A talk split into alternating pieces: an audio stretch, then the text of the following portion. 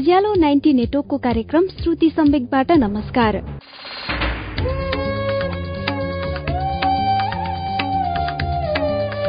उज्यालो ninety नेटवर्कमा हरेक मंगलबार र शुक्रबार राति सभा नौ बजे कार्यक्रम श्रुति सम्वेक प्रसारण हुन्छ।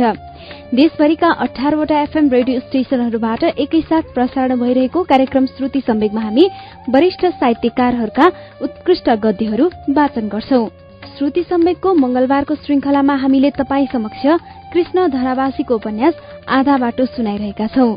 गत साता बजेको श्रुति सम्वेक आधा बाटोको बाह्रौं अंक थियो। गत अंकमा लेखकको सरुवाको प्रसंगसँगै रामो नाम गरेको बोकाको रमाइलो प्रसंग वाचन भयो। भगीको प्रसंग पनि रोचक रह्यो। लेखकी आमा बेला बेला बिरामी पर्नु भएको र ग्यास्ट्रिकको समस्या अनि त्यसमाथि देउता लाग्यो भन्ने अन्धविश्वासले जरा गाडीको संस्कारको प्रसंग पनि आयो। आजको कार्यक्रममा आधा बाटोको तेह्रौं श्रृंखला वाचन पृष्ठ तीन सय अठारदेखि अब सुनौ अच्युत घिमिरेको आवाजमा।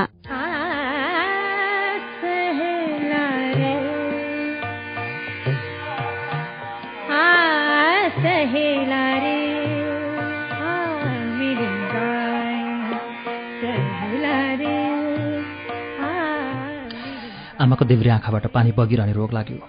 जति नै पुछे पनि त्यो बगिरहने हुनाले जति बेला पनि रोइरहेको जस्तो देखिन्थ्यो। साधारण उपचारले ठिक नभएपछि विशेष उपचारका लागि बिपी मेमोरियल अस्पताल धरानमा लिएर गए। त्यसबेला कान्छी बहिनी नानु त्यही अस्पताल परिसरभित्र बस्थे उसले दुई वर्ष अघि नै आफ्नै खुसीले एकजना कमल बस्नेत नाम गरेका युवकसँग विवाह गरेकी थिए। त्यसबेला ज्वाइँ त्यस अस्पतालको निर्माण कार्य गरिरहेको कन्स्ट्रक्सन कम्पनीमा काम गर्नुहुन्थ्यो। कमाई राम्रै थियो। खुसी नै थिए उनीहरू। आमालाई उनीहरूकै क्वार्टरमा पुर्याइयो। जाँचपछि डाक्टरहरूले भने नाकको र आँखाको बीचमा पल परेको छ र त्यसको अपरेसन गर्नुपर्छ।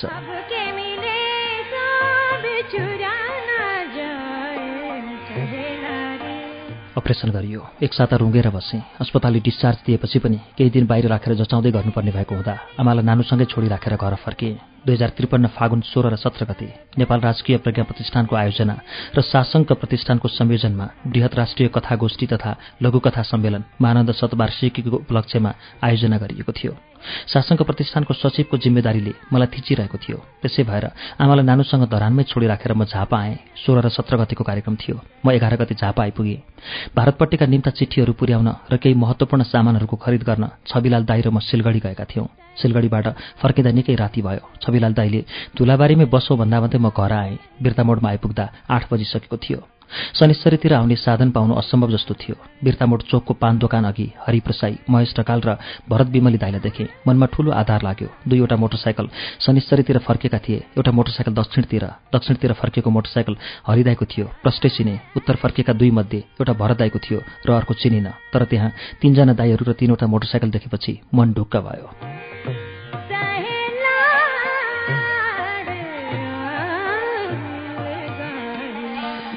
छेउमा गएर नमस्कार गर्दै आफ्नो यात्राको छोटो वृत्तान्त सुनाए। हाँस्दै अब म चढ्ने मोटरसाइकल चाहिँ कुन हो भने भरत दाईले उँभो फर्किएर अर्को चाहिँ मोटरसाइकलले देखाएर भने तिमी चढ्ने मोटरसाइकल ऊ त्यो अगाडिको चाहिँ हो। को अ म बहत्तर नम्बरको। त्यो मोटरसाइकललाई हेरेर उहाँहरू मसँगै गफ गर्न लाग्नुभयो। निकै बेर उभिएपछि कति बेला जाने कसलाई पर्खिएको भने जोशी सर र कृष्ण मामा आउँदै हुनुहुन्छ। उहाँहरूलाई पर्खिएको भन्नुभयो भरत दाईले।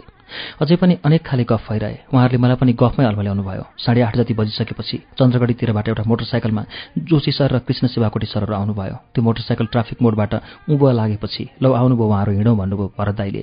महेश दाईले मोटरसाइकल स्टार्ट गर्नुभयो र उहाँहरू दुईजना शनिश्चरी लाग्नुभयो। त्यतिकैमा हरिसर घरतिर हिँडिसक्नु भएको थियो।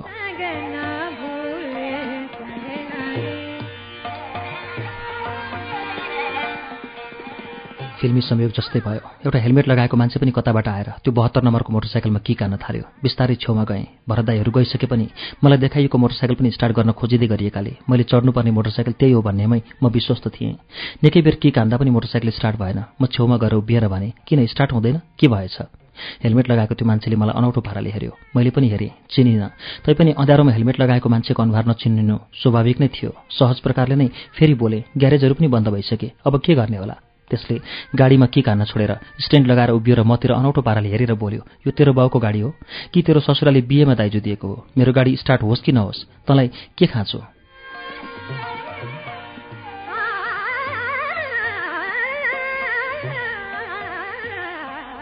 एकैचोटि उसको त्यो प्रस्तुति देखेर म अवाक भएँ। जससँग भए बलियो न बलियो एउटा मातेको मुस्तण्डे मान्छेका फेला परिसकेको थिएँ म।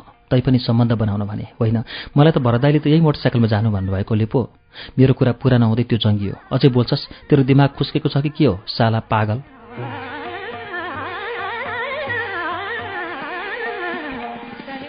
मलाई जीवनमा मैले शब्द बुझ्न थालेदेखि यता त्यो छत्तिस वर्षको उमेरसम्म कसैले त्यस्तो नराम्रो भाषामा गाली गरेको थिएन। त्यसरी ज्यानै लिउँला चाहिँ गरेर कोही झम्टेको पनि थिएन। मेरै लागि भनेर त्यति अश्लील भाषाको प्रयोग पनि कसैले गरेको थिएन। म त डर लाज ग्लानी रिस सब कुराले एकैचोटि गाँचिएँ शरीर लगलग काम्यो त्यहाँ उभिरहनु र त्योसँग बोल्नु खतरापूर्ण थियो। म छिटो छिटो शनिश्चरी ट्याक्सी स्ट्यान्डतिर लागेँ। अँध्यारोमा। म निकै माथिसम्म पुग्दा पनि त्यसले मलाई नै हेरेर मन परि भन्दै सालेलाई किच्चाइदिन्छु भन्दै थियो।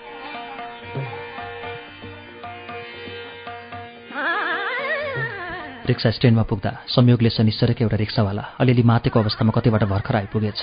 जाउँ सर भन्यो। हतार हतार रिक्सा चढेर हिँडेँ। मनमा अनेक कुराहरू खेले। भरतदारी मसँग त्यस्तो नराम्रो रेला किन गरे होला? राति नौ बजीतिर घरमा आइपुग्दा नानुले आमालाई धरानबाट लिएर आएकी रहेछ तर बाटीदेखि आमाको नाकबाट रगत बग्न थालेको रहेछ। घरमा आइपुग्दा पनि रगत रोकिएको थिएन। एकाएक आमालाई त्यो अवस्थामा देखेर मन झन दुखी भयो। तुरुन्तै डाक्टर बा कहाँ गएर रगत रोक्ने दबाई र रुवा लिएर आएँ तर त्यसले केही काम दिएन। रातभरि रगत बगिरह्यो रुँगेर बस्यौँ।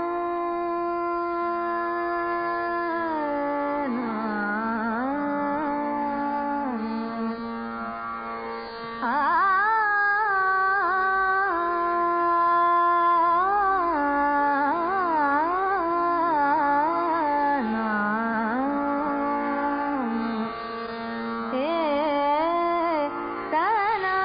बिहान भएपछि रगत बग्ने क्रम झन् बढेर गयो। डाक्टरबालाई सोधेँ उहाँले सल्लाह दिनुभयो। नयाँ अपरेसन गरिएकोमा केही समस्या उत्पन्न भए जस्तो छ। एकपल्ट उहीँ पुर्या। हतार हतार अफिसबाट गाडी मगाएर त्यसैमा राखी धरान पुर्याइयो। हिजो मात्र धरानबाट घर आइपुग्नु भएको आमाले आज फेरि टुप्लोको धरानै पुग्नुपर्दा साह्रै पिर मान्नुभयो। अघिल्लो दिन दुई बजेदेखि लगातार रगत बगिरहँदा पनि आमाको मन कमजोर भएको थिएन। उहाँको आत्मबल रति पनि डगेको थिएन। इमर्जेन्सीमा लगेर भर्ना गऱ्यौँ। तत्काल उपचार प्रारम्भ भयो। आधा घण्टा पछिदेखि नै रगत बग्न बन्द भयो। दुई दिन जति अस्पतालमै राखेर उपचार गरेपछि डिस्चार्ज हुनुभयो।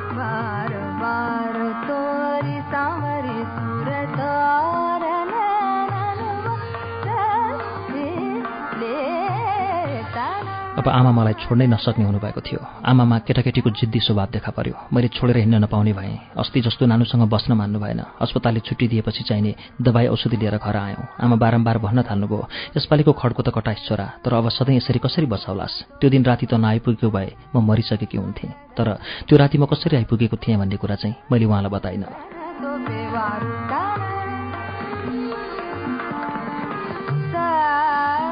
भाषाशास्त्री महानन्द सापकोटाको पहिलो शतवार्षिकीको उपलक्ष्यमा नेपाल राजकीय प्रज्ञा प्रतिष्ठानको आयोजना र शासनको प्रतिष्ठानको संयोजनमा आयोजित वृहत नेपाली कथागोष्ठी र लघुकथा सम्मेलन दुई हजार त्रिपन्न प्रारम्भ भयो। फागुन सत्र गते बिहान आठ बजेदेखि।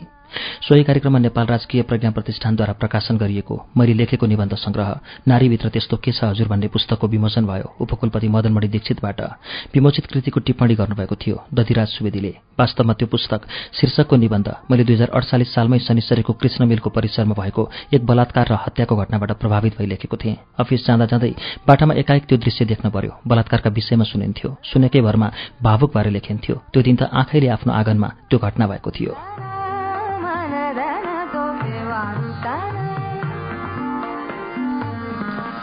निकै महिनापछि सीतारामजीले गोधुली भन्ने एउटा साहित्यिक पत्रिका पठाइदिए जसमा मेरो त्यो निबन्ध छापिएको थियो। तर लेखकको फोटोको ठाउँमा अर्कै ठूलो टाउको भएको जुङ्गामुठे मान्छेको अनुहार छापिएको थियो। राम्रै देखियो नाम अनुसारको फोटो।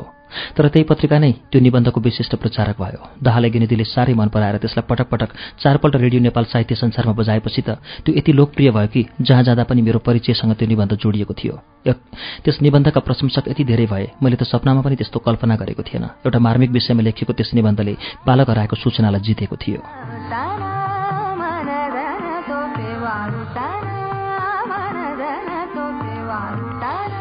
दुई हजार त्रिपन्न साल असारको अन्तिम सातातिर एक दिन अफिस पुग्दा सबै साथीहरूले बधाई भन्दै हात मिलाउन थाले। म अलमल्ल परेँ। वास्तवमा त्यो दिन बिहानको रेडियो मैले सुनेको थिइनँ। त्यस वर्षको राष्ट्रिय प्रतिभा पुरस्कार पाउने व्यक्तिमध्येको एउटा नाम मेरो पनि परेछ बिहान रेडियोले पढ्दा। मैले कुरो बुझिनँ। अस्ति भर्खर मात्र महिला तथा समाज कल्याण मन्त्रालयले यस्तै राष्ट्रिय प्रतिभा पुरस्कार भनी दस दस हजार राशिको पुरस्कार निकैजनालाई बाँडेको थियो र त्यो पुरस्कार पाउने झापाली साहित्यकार चुडामणी रेग्मी पनि हुनुहुन्थ्यो। त्यो वर्षको राष्ट्रिय प्रतिभा पुरस्कार बाँडिसकेको हुनाले त्यो समाचारमा सत्यता नभएको ठाने मैले। तर कार्यालय बाहिर पनि धेरै साथीहरूले बधाई दिए। फोन पनि आए। मैले कुरो बुझिनँ। नभन्दै भानु जयन्तीका दिन पुरस्कार थाप्नका लागि निमन्त्रणा पत्र समेत फ्याक्सबाट आएपछि म कुरै नबुझी काठमाडौँ जान तयार भएँ। मसँगै त्यो वर्ष विज्ञानतर्फको राष्ट्रिय प्रतिभा पुरस्कार पाउनुभएको थियो डाक्टर गङ्गानाथ बासुतलाले शनिश्चरेका हामी दुईजनाले एकैचोटि दुईटा राष्ट्रिय प्रतिभा पुरस्कारहरू प्याएका थियौँ।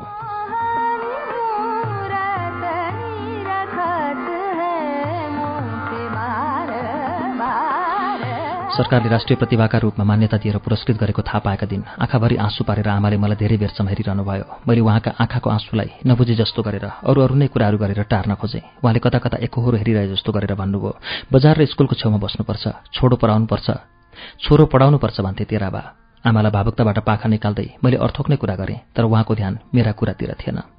असारको महिना झमझम पानी परिरहेको थियो। काठमाडौँ जान बाटोमा पहिरोले यातायात अवरुद्ध थियो ठाउँ ठाउँमा भनेको समयमा काठमाडौँ पुग्ने सम्भावना कम थियो। त्यसैले सबैको राय अनुसार हवाईजहाजमै जाने निर्णय भयो। तर हवाईजहाज भन्नासाथ मनमा त्यसै त्यसै डर जस्तो लागेर आयो। कहिले हवाईजहाज चढिएको थिएन। फेरि यसबीचमा ठूला ठूला दुर्घटनाहरू भएको देखिएको थियो। गाडीमा विराटनगरसम्म गएँ र त्यहाँबाट हवाईजहाजमा उडे।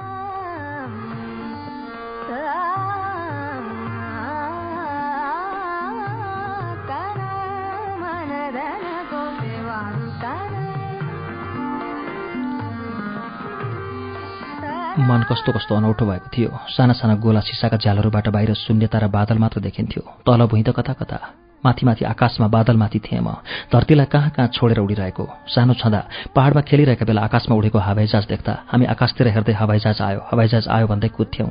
यसरी कुद्दा डिलबाट लडेर टाउकामा गहिरो चोट लागेको खत अझै पनि छाम्दा बिजाउँछ। तर आज म त्यति माथि उड्ने हवाईजहाजमा बसेर राजधानी जाँदै थिएँ। जीवनमा सोच्दै नसोचेको र कल्पनै नगरेका कुराहरू भइरहेका थिए।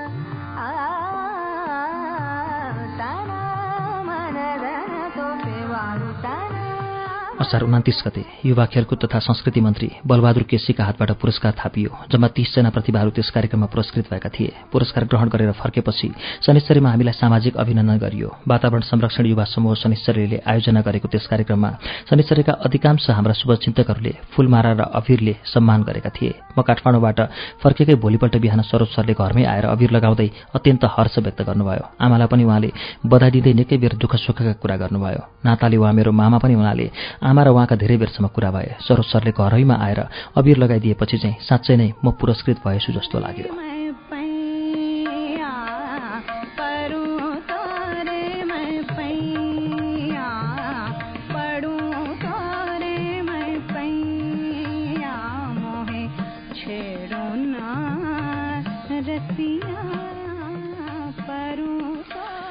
एक मैले सरोज सरलाई आमाले भनेको कुरा सुनाएँ। उहाँले हाँस्दै सहज भाषामा भन्नुभयो भान्जा घरमा चरा मुसाले पनि खान्छन् बारीमा वस्तुभाव पनि चर्छन् चोरले पनि लान्छन् माग्नेलाई पनि दिनैपर्छ ब्रह्मचारी ज्ञानी मान्छेहरूलाई पाल्न पाउनु ठूलो सौभाग्यको कुरा हो। सब कोहीले त्यस्तो मौका कहाँ पाउँछन्? यस्ता दुर्वासा जस्ता मान्छेलाई खप्न पाउनु पनि ठूलै भाग्य हो।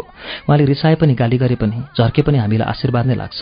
साह्रै उदार अभिव्यक्ति थियो सरोज सरको। वास्तवमा उहाँले त्यो एउटा महान काम गर्नुभएको थियो। पथिक कवि लक्ष्मीप्रसाद आचार्यलाई आश्रय दिएर उहाँले नेपाली आदर्श र परम्पराको एउटा ठूलो उदाहरण प्रस्तुत गर्नुभएको थियो। दुई हजार अन्ठाउन्न माघ चौध गते बिहान निरज भाइले फोन गरेर भन्यो दाजु कवि हजुरबा खस्नुभयो अरे धरानमा। भर्खर खबर आयो के गर्ने? त्यो दिन मेरो अफिसमा ज्यादै व्यस्त काम थियो। मैले मलामी जान असमर्थता व्यक्त गरेँ। सरोस्वर पनि जान सक्नु भएनछ निरज पुगेछ मलामीमा। धरान नगर धरान नगरपालिकाले साह्रै ठूलो सम्मानका साथ कविजीको दाह संस्कार गराएछ। हजारौं मानिसहरू शवयात्रामा सहभागी भएछन्। पथिक कविले के गर्नुभएको रहेछ भन्ने कुरा त्यो दिन धरानका धेरै मान्छेले थाहा पाएछन्।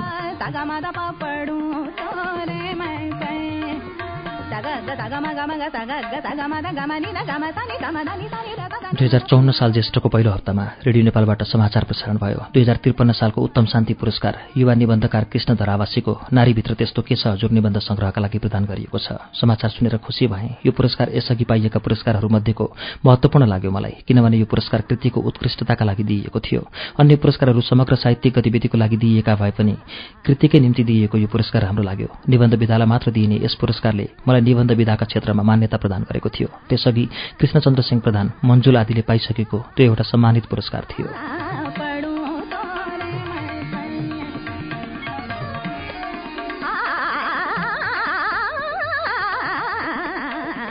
दुई हजार त्रिपन्न साल असार मसान्तमा लेखापालबाट कार्यालय सहायक पदमा फाइल बढुवा भयो। त्यसअघि निकैपल्ट आन्तरिक प्रतियोगितात्मक परीक्षामा सामेल भएको थिएँ। दस वर्ष पूरा भएर एघार वर्ष लागेको। उनातिसौँ दिनपछि मेरो एक तह बढुवा भएको थियो। म ज्यादै खुसी भएँ।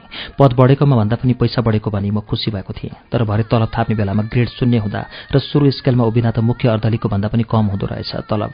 तर भइसकेको बढुवा घटुवा गर्न नमिल्ने मैले सुरुमै कार्यालय सहायकमा प्रवेश गरेको भए एक तह बढुवा हुँदा अधिकृत हुन्थेँ होला। खरदारबाट सुरु गरेँ। सुब्बा भएँ। आकाशबाट बर्सिरहेको पानी आँगनमा उभिएर थाप्यो भने कुनै भाँडामा बढी कुनै भाँडामा कमी त भइहाल्छ नि।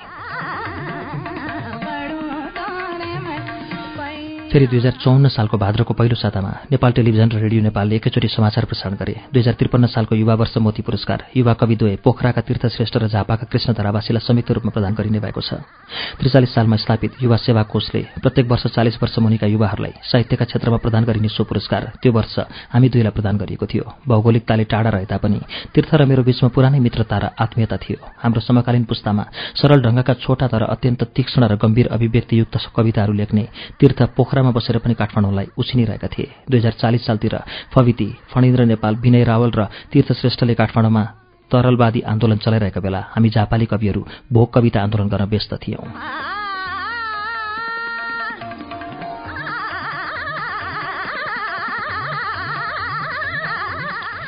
तर तीर्थ र मलाई एउटै पुरस्कार आदि आदि बाँडेर दिएपछि मनमा लाग्यो म पनि तीर्थहरू जतिको चाहिँ भएछु कि के हो तर पनि पछि समय लागिरहन्छ। वास्तवमा उनीहरू धेरै राम्रा कवि हुन् धेरै स्तरीय लेखकहरू।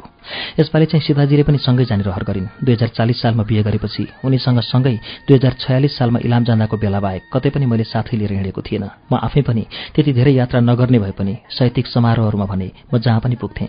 तर दुई हजार छयालिस सालको इलामको महानन्द पुरस्कारको कार्यक्रम बाहेक उनले मसँग डुल्ने मौका पाएकी थिएनन्। कहिलेकाहीँ सानो प्रस्ताव राखे पनि विभिन्न घराइसी अप्ठ्याराहरूले गर्दा मैले साथै लिएर हिँड्न सक्दिनथेँ।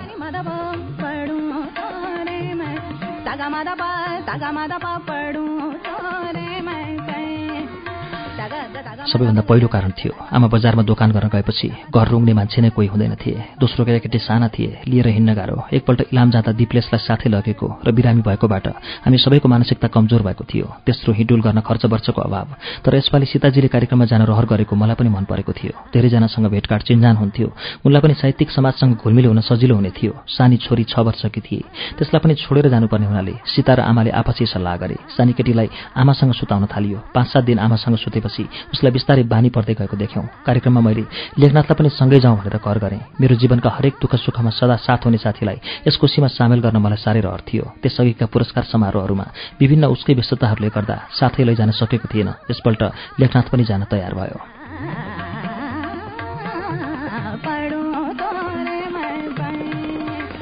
मैले पुरस्कार पाउँदैछु भन्ने सुनेका मात्र भरमा काठमाडौँमा बसेर विभिन्न पेसामा संलग्न मेरा शनिश्चरेका भाइहरू र झापाली साथीहरू यति धेरै उपस्थित थिए कि कार्यक्रम हलमा सबै झापाली नै पो छन् कि जस्तो लाग्थ्यो। मानिसहरू भन्थे विगत वर्षभन्दा त्यो वर्ष कार्यक्रममा धेरै मानिसहरूको उपस्थिति थियो। पुरस्कार पाउँदै गर्दा खुसीले ताली पिट्ने तल बसेका मानिसहरूको अनुहार हेरेर म साह्रै नै भावुक भएँ। अघिल्लो वर्ष राष्ट्रिय प्रतिभा पुरस्कार पाउँदा मेरो सुवेदी भाइहरू ज्ञानमणि भुर्तेल भाइहरू र डाक्टर गंगानाथ पास्तोला बाहेक झापाली कोही थिएनन् तर यसपालि त आधाभन्दा बढी त्यहाँ झापालीहरू थिए। मैले पुरस्कार पाएकोमा कुनै प्रतिस्पर्धात्मक भावना नै नलिई। खुसी व्यक्त गर्नेहरूकै भिड थियो त्यहाँ। दुवसु परिवार त्यहाँ यसरी खुसी थियो कि मानव त्यो पुरस्कार हामी सबैले सामूहिक रूपमा ग्रहण गरिरहेका थियौँ।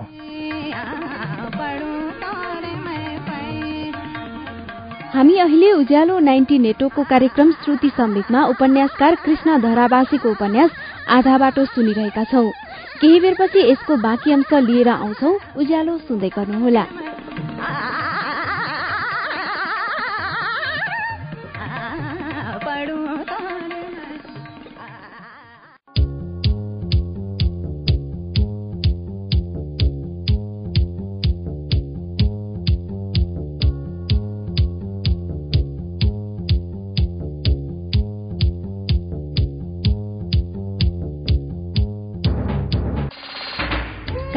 श्रुति सम्वेक तपाईँ अहिले उज्यालो नाइन्टी नेटवर्क काठमाडौँसँगै इलाम एफएम झापाको एफएम मेचिट्युन्स बर्दिवासको रेडियो दर्पण दोलखाको कालिचोक एफएम वीरगंजको नारायणी एफएम हेटौडा एफएम चितवनको रेडियो त्रिवेणीमा पनि सुनिरहनु भएको छ।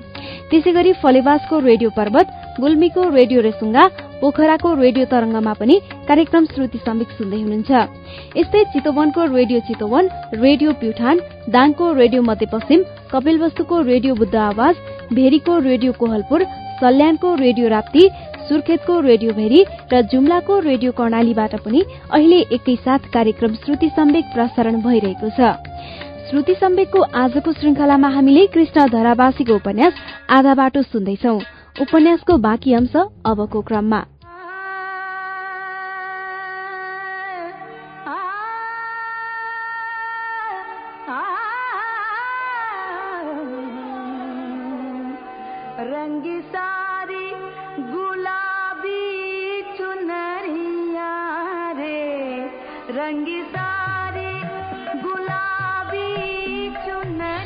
संयोग नै भनौँ। पुरस्कार ग्रहण गरिसक्दै तीर्थले भोलि नै पोखरा जानको लागि निमन्त्रणा गरे। पोखरेली सांस्कृतिक परिवारले प्रत्येक वर्ष आयोजना गर्ने मुक्त गोष्ठीका लागि काठमाडौँबाट साहित्यकारहरूको एउटा टोली नै लाँदिरहेछन्। दुवसहरू सबैजनाले पोखरा जान सिफारिस गरे। पोखरा मैले पनि देखेको थिइनँ सीताजीको त के कुरा? लेखनाथले चाहिँ पहिले देखिसकेको हुनाले उसैले हामीलाई गाइडको काम पनि गर्ने नै भयो। जान आउन बस्न खान केही खर्च नलाग्ने भएपछि हामी पोखरा जाने भयौँ। नानु र ज्वाइँ त्यसबेला पोखरामै रहेका हुनाले हामी उनीहरूसँग भेट गर्न पोखराको निर्माणाधीन सब्जी बजारमा गयौँ। ज्वाइँले काम गर्ने गरेको कन्स्ट्रक्सन कम्पनीले त्यो बजार निर्माण गरिरहेको थियो। एकाएक हामीलाई पोखरामा देखेर उनीहरू अचम्मित भए। अघिल्लो दिन टिभीमा पुरस्कार वितरण कार्यक्रम देखेका भए पनि हामी पोखरा पुगौँला भन्ने उनीहरूले कल्पनै गरेका थिएनन्।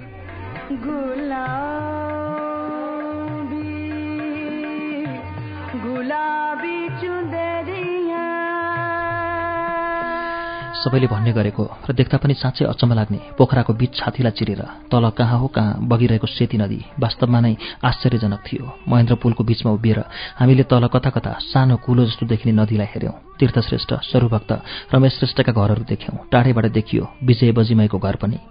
जीवनमा पहिलोपल्ट डुङ्गा चढियो। फेवा तालमा कस्तो डर लागेको। सिरिङ सिरिङ हुने जिउ। तर साना भुराहरू हाम्रो डुङ्गासँगै पछि पछि पौडिएरै पुगे। तालको माझमा रहेको मन्दिरमा सीताजीले भक्ति भावना झिकिन्। पूजामा शरीरले साथ दिए छेउमा उभिएर छालाको पेटी खोलिदिए टिको लगाइदिए।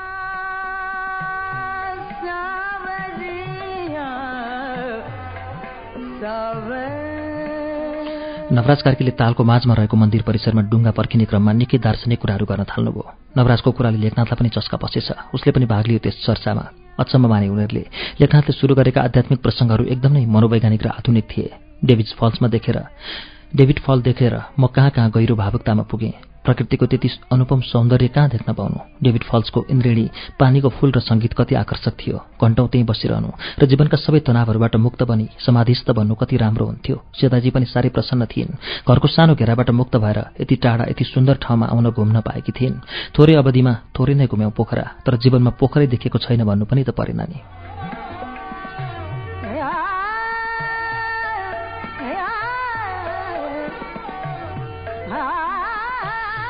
दुई हजार बाहन्न सालमा प्रज्ञा प्रतिष्ठानको आयोजनामा भएको पूर्वोत्तर भारत भ्रमणका क्रममा मैले आसाम सिक्किम दार्जिलिङ र मेघालयमा नेपाली जनजीवनलाई विदेशमा राम्ररी हेर्न पाएँ। त्यहाँका नेपालीहरूको पीर व्यथा र समस्याहरू बडा कारुणिक थिए। दुई हजार सडचालिस सालदेखि नै झापा र मोरङमा शरणार्थीहरूको दयनीय स्थिति मैले रेडियो नेपालको प्रतिनिधि रहेका बेला साह्रै नजिकबाट देख्न पाएको थिएँ। जीवनको यति व्यापक शरणार्थीय नेपाली रूपलाई कसरी देखाउने भन्ने मनमा पर्न थाल्यो। मैले स्वेच्छाले कहिले कतै भ्रमण गर्न पाएको थिइनँ।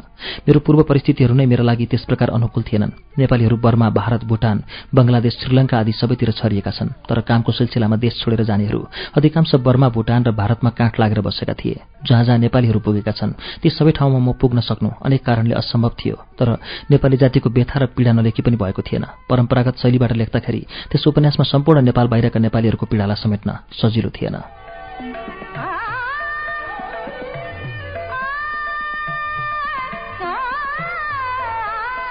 सबैले बुझ्ने गरी सरल भाषामा कथावस्तु पनि त्यति मिठो गाँठो नपरेको होस् भन्ने स्वाग्रह पनि थियो। त्यसै भएर सजिलोको लागि घरै बसी बसी संसार घुम्ने प्रयत्न गरेँ। बाबुआमाका वरिपरि तीन फलको घुमेर गणेशले संसार भ्रमण गरे जस्तै मैले पनि बसी बसी नेपाली संसारको यात्रा गर्न थालेँ। यसो गर्दा नेपाली जातिका बारेमा पूर्वलिखित कथा उपन्यास नाटक र इतिहासहरूको अध्ययन गर्न थालेँ। व्यक्तिगत भेटघाट अन्तर्वार्ता र अनुभवहरूको सङ्कलन गर्न थाले। दुबसु छेत्री चार वर्षसम्म बर्माको राजदूतावासको प्रथम सचिव भएर रहँदा उनले बर्मामा नेपालीहरूका माझ कमाएको लोकप्रियता र उनले अनुभव गरेको त्यहाँको नेपाली जनजीवनको समस्या र इतिहासलाई मैले उनीबाट सुनेर बर्मा पुगेको सन्तुष्टि लिएँ। कवि पदम छेत्री लीलबहादुर छेत्री राजेन्द्र भण्डारी रामलाल अधिकारी भुटान पिपुल्स पार्टीका अध्यक्ष बलराम पौडेल आदिहरूसँग व्यक्तिगत अनुभव सङ्कलन गरे। पूर्व प्रकाशित कथा र उपन्यासहरूबाट नेपाली समस्या र पीडालाई अध्ययन गरे। कति कुराहरू साभार पनि गर्न थाले।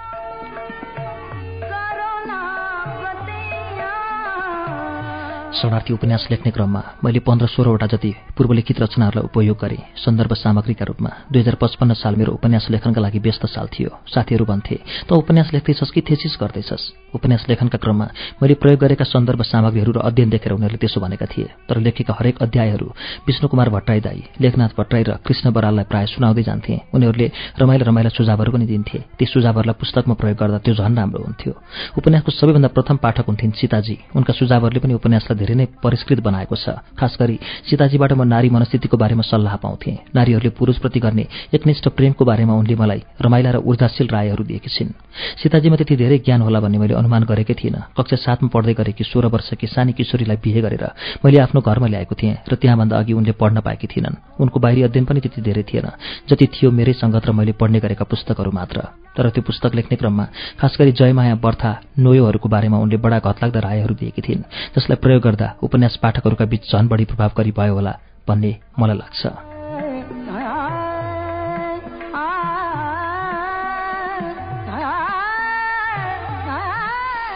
सीता सँगसँगै धेरैजसो लेखेका कथाहरू आमालाई पनि सुनाउँथे। आमाले दुई हजार सात सालको पूर्वी पहाडको साम्प्रदायिक विद्रोह र शरणार्थी भएर मधेस झर्नु परेको कुराहरूलाई साह्रै विस्तारपूर्वक बताउनुहुन्थ्यो। नेपालमा दुःख पाएर आसाम पसेका आमाका मावालीहरूको कथा पनि सुनाउनुभयो। त्यस उपन्यासमा लेखनमा आमाको पनि ठूलो सहयोग थियो। त्यो वर्ष आमाको स्वास्थ्यमा अर्को समस्या देखा परेको थियो।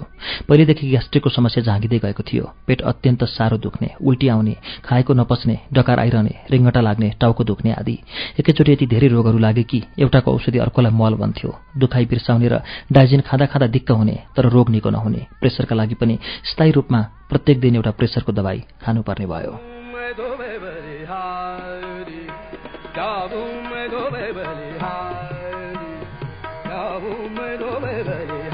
नानु धरानमै भएकाले आमालाई उपचार गर्न लान ल्याउन सजिलो थियो। धरानमा अलिक राम्ररी जाँचबुझ गर्दा पित्त थलीमा ढुङ्गो भएको पत्ता लाग्यो। अघिल्लोपल्ट आँखाको डिलको अपरेसन गर्दा पाएको पिरले उहाँ अपरेसन गर्न मान्नु भएन। बरु मरे मर्छु तर अपरेसन चाहिँ गर्दै गर्दिनँ।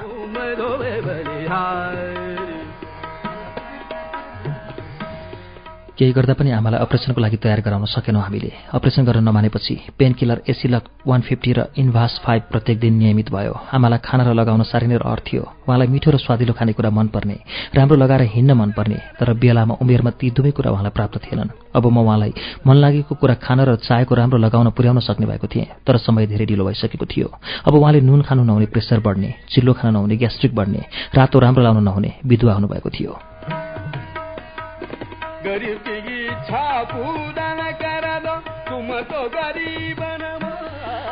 लोभलाग्दा आँखाहरू पालेर उहाँले बुढ्यौलीको पीडा खप्न थाल्नुभयो कहिलेकाहीँ साह्रै चित्त दुखाउनुहुन्थ्यो र दुई चार टुक्रा मासु खानुहुन्थ्यो त्यसले सात दिन सुताउँथ्यो नरमाइलो लाग्थ्यो मनमा हेर्थेँ आमाका दुवै खुट्टामा बाहिरपट्टिका गोली आँखाको छाला वर्षौँ वर्षसम्म बोरामा पलेटी मारेर बस्दा पैताला जस्तो बाक्लो र संवेदनहीन भएको थियो गुरुको काँच जस्तै भएको थियो आमाको गोली काँठो आमा अब प्राय सञ्च नहुने सदा सदाका लागि स्थायी रोगी हुनुभएको थियो। कहिलेकाहीँ प्रेसर बढेर थरथर काम्न थाल्ने आत्तिने डराउने कहिले बिना कारण रिसाउने झर्किने गर्न थाल्नु भएको थियो।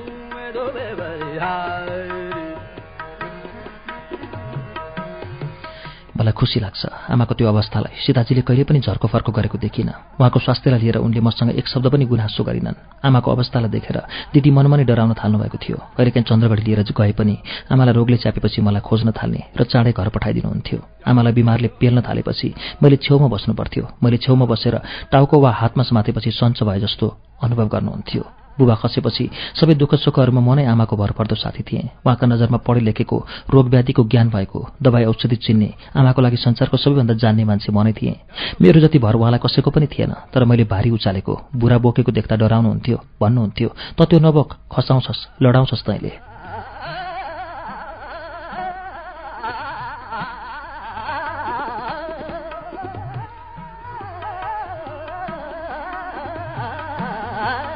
आमा सदा बिरामी हुन थालेपछि मन त्यसै त्यसै एक किसिमको असजिलो बनिरहन्थ्यो।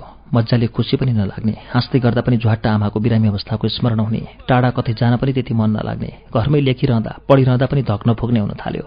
तर मलाई टाढा टाढाबाट आएका हरेक निमन्त्रणहरूमा आमाले जबरजस्ती पठाउनुहुन्थ्यो। मलाई केही हुँदैन सिते छे यसले चाकर गर्छे त गइहाल भन्नुहुन्थ्यो। आफू निकै बिरामी भए पनि मलाई बिदा दिनुहुन्थ्यो तर भरे म हिँडेपछि भने एक्लै कोठामा रोइरहेको भेट्थिन्थ्यो सीताजीले।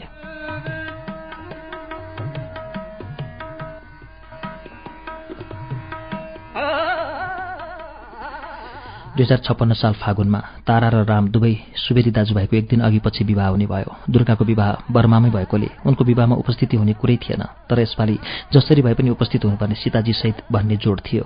आमा बिरामी हुँदाहुँदै पनि चाँडै आइहाल्ने गरी सीता र म काठमाडौँ गयौँ। हामी काठमाडौँ जानुभन्दा केही दिन अघि मात्र आमालाई धरान पुर्याइवरी भिडियो एक्सरे गराइएको थियो। दुई वर्ष अघि पित्तथैलीमा ढुङ्गो छ भनिएको तर दुई वर्षपछि त्यहाँ ढुङ्गो थिएन। डाक्टरहरू पनि छक्क परेका थिए। उनीहरूले कहिलेकाहीँ त्यस्तो ढुङ्गो कतैबाट निस्केर तल झरेको पनि हुनसक्छ। राम्रो ठाउँमा जछाउनु भनेका थिए।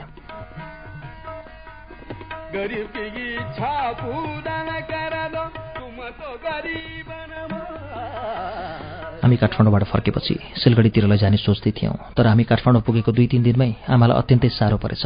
घरमा भाइले आत्थिएर फोन गर्यो आमालाई साह्रो हुन थाल्यो। आजको रात्रि बसमा चढाइदिँदैछु पशुपतिले लिएर आउँदैछन्। भोलिपल्ट साँच्चै सिकिस्त भएकी आमा रातभरिको गाडीको धङधङीसँगै काठमाडौँ पुग्नुभयो। आमा बिरामी भएको सुनेर दुर्गाहरू र आमा बुबा सबै चिन्तित हुनुहुन्थ्यो। भोलिपल्ट चक्रले गाडीमा हालेर शिक्षण अस्पताल पुर्यायो। बहिरङ्ग सेवाबाट पालो पर्खिँदै डाक्टर केपी सिंह कहाँ पुग्यौँ। उहाँले भिडियो एक्सरेमा पठाइदिनु भयो भिडियोमा केही पनि देखिएन। अब इन्डोस्कोपी गर्नुपर्ने भयो। भोलिपल्टै इन्डोस्कोपी हुने भयो। राति तिन बजेदेखि पानी पनि खान नदिए लिएर गयौँ। बेलुका चार बजेसम्म बस्दा पनि आमाको पालो आएन। डाक्टरले फेरि अर्को दिनको भाका दिए। मलाई साह्रै अचम्म लाग्यो। कति संवेदनहीन हुन सकेका डाक्टरहरू। एउटा पेटको ग्यास्ट्रिकको बिरामीलाई बाह्र घण्टासम्म पानी पनि खान नदिइराखेर फेरि अर्को दिनको तारिक कसरी दिन सकेका? बाध्य थियौँ हामी। आमाको स्वास्थ्य हेरेर मन साह्रै खिन्न हुन्थ्यो। उहाँले बिमार खपेको देख्दा त्यस्तो आत्मबल त आफूसँग होला जस्तो लाग्दैन पनि।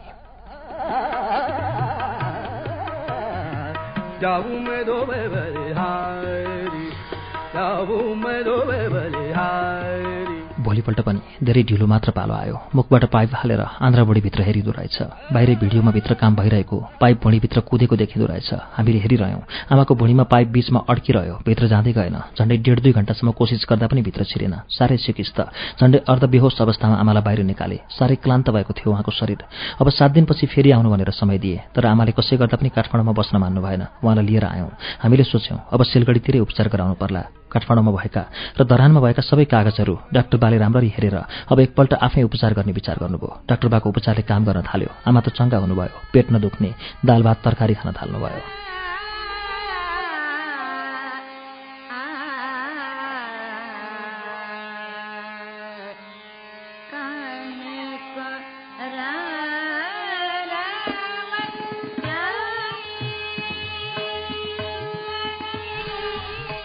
दुई हजार छप्पन्न सालमा अर्को निबन्ध सङ्ग्रह प्रकाशित भयो। उत्तमजङ सिजापतिको आलु। पूर्वाञ्चल दैनिकमा हप्ताको एउटा लेख लेख्नका लागि अनुबन्धित हुँदा लेखिएका लेखहरूको सङ्कलन थियो त्यो। त्यस पुस्तकमा सङ्कलित केही लामा निबन्धहरू गरिमा मधुपर्क मिरमिरे अभिव्यक्ति र अन्य पत्रिकाहरूमा पूर्व प्रकाशित पनि हुन्। पुस्तकको शीर्षक लामो भएको प्रतिक्रिया थियो कसैको। हाँसीव्यङ्गीको पुस्तक सम्झन्थे धेरैले। यी उत्तमजङ सिजापतिलाई चिनाउन पनि झमेला पर्यो मलाई। उत्तमजङ को हुन् र त्यो निबन्ध किन लेख्यो भन्ने स्वयं निबन्ध नै बोल्थ्यो। तैपनि मैले पछिसम्म त्यसबारे भनिरहनु पर्यो।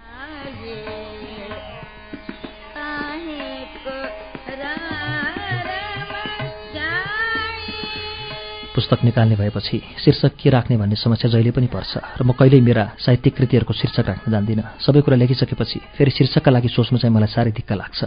शीर्षक भनेको नाम हो। नाम जे राखे पनि हुन्छ भन्ने मलाई लाग्छ। समालोचकहरू कृतिको शीर्षकको सार्थकता खोज्नमा पनि निकै नै गिदी खियाइरहेका हुन्छन्। कृति र शीर्षकका बीच सामञ्जस्य होस् भन्ने चाहन्छन्। त्यसो भएको भए राम्रै पनि हो तर कृति जति राम्रो लेखे पनि शीर्षकहरू भने आजसम्म मैले राख्न सकेको छैन। छोराछोरीकै नाम पनि मैले राखिनँ अरूले जे भने पनि मैले त्यही भनिदिएँ। यो निबन्धको पनि शीर्षक राख्न नसकेपछि उत्तमजङ सिजापतिको आलु राखिदिएको थिएँ। पछि त्यो निबन्ध नगेन्द्रराज शर्माको अभिव्यक्ति पत्रिकामा छापियो। ईश्वर बल्लभदारी कान्तिपुरमा त्यस निबन्धबारे एउटा लामो लेख लेख्नुभयो। धेरैले त्यो निबन्धको चर्चा गरेका थिए। पछि किताबको नाम बनाउने बेलामा पनि झमेला आएपछि त्यही निबन्धको शीर्षक नै पुस्तकको नाम बनाइदिए। यसो गर्न किन पनि मन लाग्यो भने एउटा मेहनती कृषकको नाम पनि चलोस् न दुनियाँमा भनेर।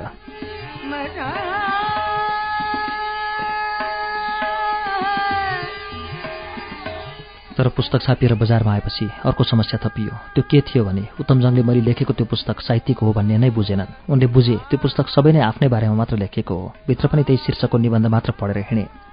पुस्तकको नाम नै उत्तमजङ सिजापतिको आलु भएपछि उनको नाम त चले नै भयो। साह्रै खुसी भए। पुस्तक आफै बेची हिँड्न थाले।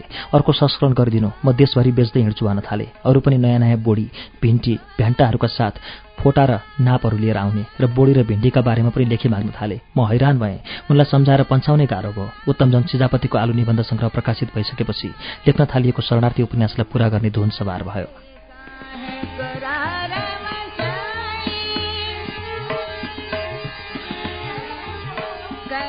हजार छप्पन्न सालको दसैँसम्ममा मैले शरणार्थी उपन्यासको लेखन कार्य सम्पादन गरेँ। घरैमा भाइको कम्प्युटर भएकाले पुस्तक टाइप गर्न सजिलो भयो। कम्प्युटरमै सुधार्ने संशोधन गर्ने कामहरू गरेर समापन गरेँ। पुस्तक त तयार भयो तर अब दुईवटा समस्याहरू अगाडि थिए। एउटा समस्या थियो आफूले त लेखियो तर यसलाई अरूले कसरी लिने हुन्? सबै अरूका पुस्तकहरूबाट सारेर छापेछ भने कसो गर्ने होला? नेपाली साहित्यमा यस्ता खालको उपन्यास नै थिएनन्। दोस्रो यत्रो मोटो पुस्तक छाप्ने पैसा कसरी भेला गर्ने? कोसँग माग्ने? आफूले हाल्न सक्ने अवस्था थिएन। कम्प्युटर बाहेक पनि चालिस हजार खर्च लाग्ने कुरा प्रेसले बताएको थियो। विष्णुदाई लेखनाथ कृष्ण बराहरूले पुस्तक राम्रो छ छाप्नुपर्छ भनेर हौस्याउने गर्थे। बेला बेला हौसिएर आँट आउँथ्यो तर जब उनीहरू ओझेल पर्थे मन त्यसै शिथिल हुन थाल्थ्यो।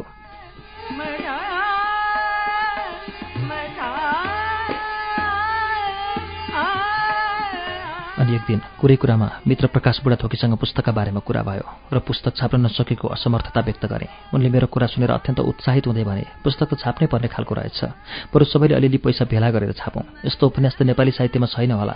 यसलाई छाप्न ढिलो पनि नगरौँ। यसको प्रविधि अरूले थाहा पाए भने यो दोस्रो तेस्रो चौथो पनि हुनसक्छ र उनले थपे म मदनसँग पनि सल्लाह गर्छु र अरू साथीहरूसँग पनि कुरा गरौँ। म निकै उत्साहित भएँ। प्रकाशजीसँग कुरा भएको दुई दिनपछि मदन अधिकारीजीले दमकबाट फोन गरेर उपन्यासका बारेमा खुबै चासो राखेर कुरा गर्नुभयो। उहाँले भन्नुभयो कृष्णजी प्रकाश र मेरो सल्लाह भएको छ। पुस्तक छाप्नुपर्छ।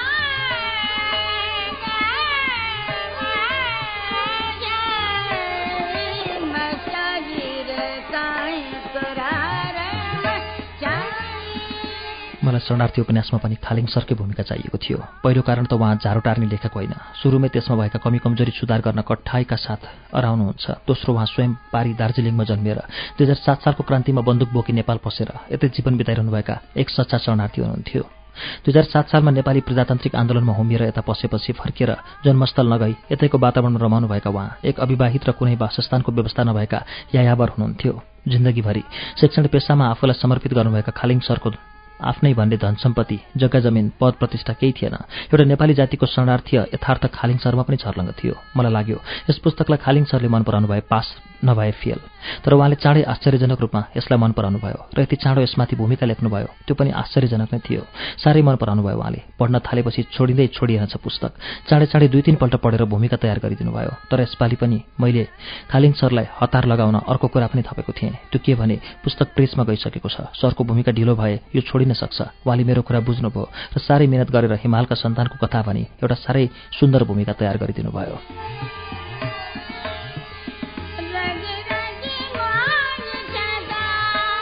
आवरण बाहेक एक सय पन्चानब्बे पृष्ठको शरणार्थी उपन्यास दुई हजार छप्पन्न चैत्रमा छापिएर तयार भयो। आवरण पृष्ठमा कालीकी आमाको पोको बोकेर हिँडिरहेको पछाडिपट्टिबाट खिचिएको फोटो ज्यादै आकर्षक थियो। पुस्तक प्रेसमा तयार थियो। केही प्रति पुस्तकहरू लिएर बैरागी काइला डाक्टर गोविन्दराज भट्टराई ईश्वर बल्लभ र डाक्टर तुलसी भट्टराई विष्णु विभु घिमिरे आदिलाई बाँडे।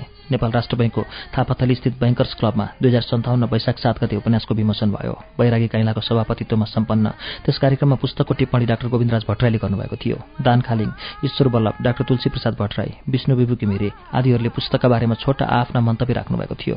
डाक्टर भट्टराईले दुई हजार छयालिस सालपछिको एक दशकको उत्कृष्ट उपन्यासिक कृति भनी पुस्तकको निकै चिरफार गर्नुभएको थियो। लीला लेखनलाई प्रविधि बनाइ लेखेको प्रथम उपन्यासको यसरी विमोचन भएको थियो।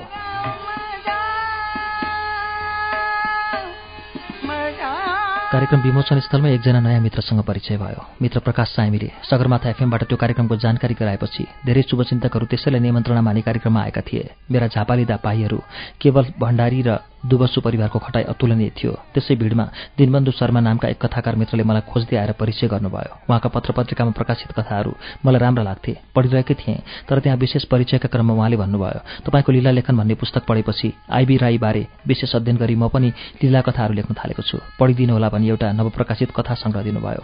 अचम्म तथा खुसी लाग्यो। म जस्तै एक्लै एक्लै बसेर पनि मानिसहरू लीला लेखनको अध्ययन गरिराखेका रहेछन्। यसको आलोचना गर्नेहरू मात्र होइन अध्ययन गर्नेहरू पनि थपिँदै रहेछन्।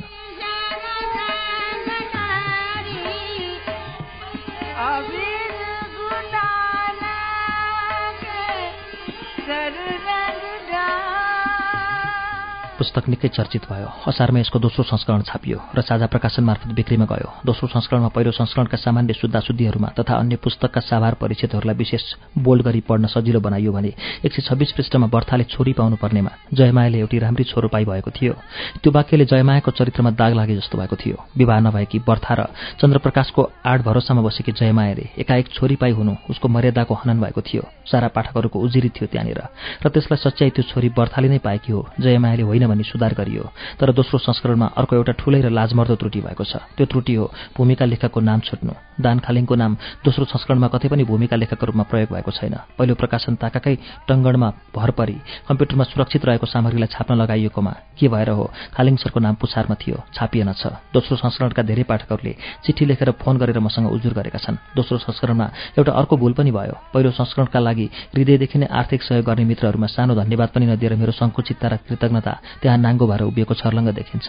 पहिलो प्रकाशनका सहयोगी मित्रहरूलाई हामीले नियात्रा प्रकाशनका सहयोगी भनी अभिलेखमा राख्यौं। शरणार्थी उपन्यास पाठकहरूका बीच रुँदै हाँस्दै पल्टिरह्यो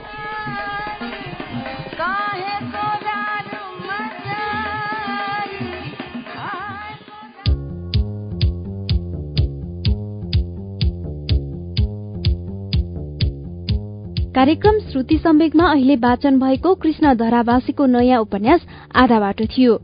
आज तेह्रौं श्रृंखलामा पनि लेखकले उत्तम शान्ति पुरस्कार प्रतिभा पुरस्कार आदि पाएको प्रसंग आजको श्रृंखलामा आयो। उहाँले पहिलोपल्ट हवाई जहाज चढेको पोखरामा डुङ्गा चढेको प्रसंग पनि आज सुनियो। शरणार्थी उपन्यासका बारेमा पनि चर्चा भयो आजको श्रृंखलामा बाँकी प्रसंग अर्को श्रृंखलामा आउने नै छन्। हवस् श्रुति सम्वेकमा आज वाचन गरिएको उपन्यास आधा बाटोबारे तपाईँका केही प्रतिक्रिया सल्लाह सुझाव वा विश्लेषण भए हामीलाई लेखेर पठाउनुहोला हाम्रो ठेगाना हो कार्यक्रम Shruti Sambeg post box number छ चार छ नौ काठमाडौँ हाम्रो इमेल ठेगाना हो S H R U T I Shruti at U N N dot com dot N P आउँदो साता आजको दिन आजकै समयमा कृष्ण धरावासीको आधा बाटोको चौधौं श्रृंखला लिएर आउने नै छौं त्यसअघि शुक्रबारको श्रुति सम्वेकमा पनि हाम्रो भेट हुने नै छ। त्यसबेला हामी तपाईँलाई अमर न्यौपानीको आख्यान पानीको घाम सुनाउने नै छौं। त्यसबेलासम्मका लागि प्राविधिक साथी दिनेश निरौला र विशालजित पालिखेसँगै अच्युत घिमिरे र म सजिता हमाल विदा चाहन्छौ। शुभरात्री।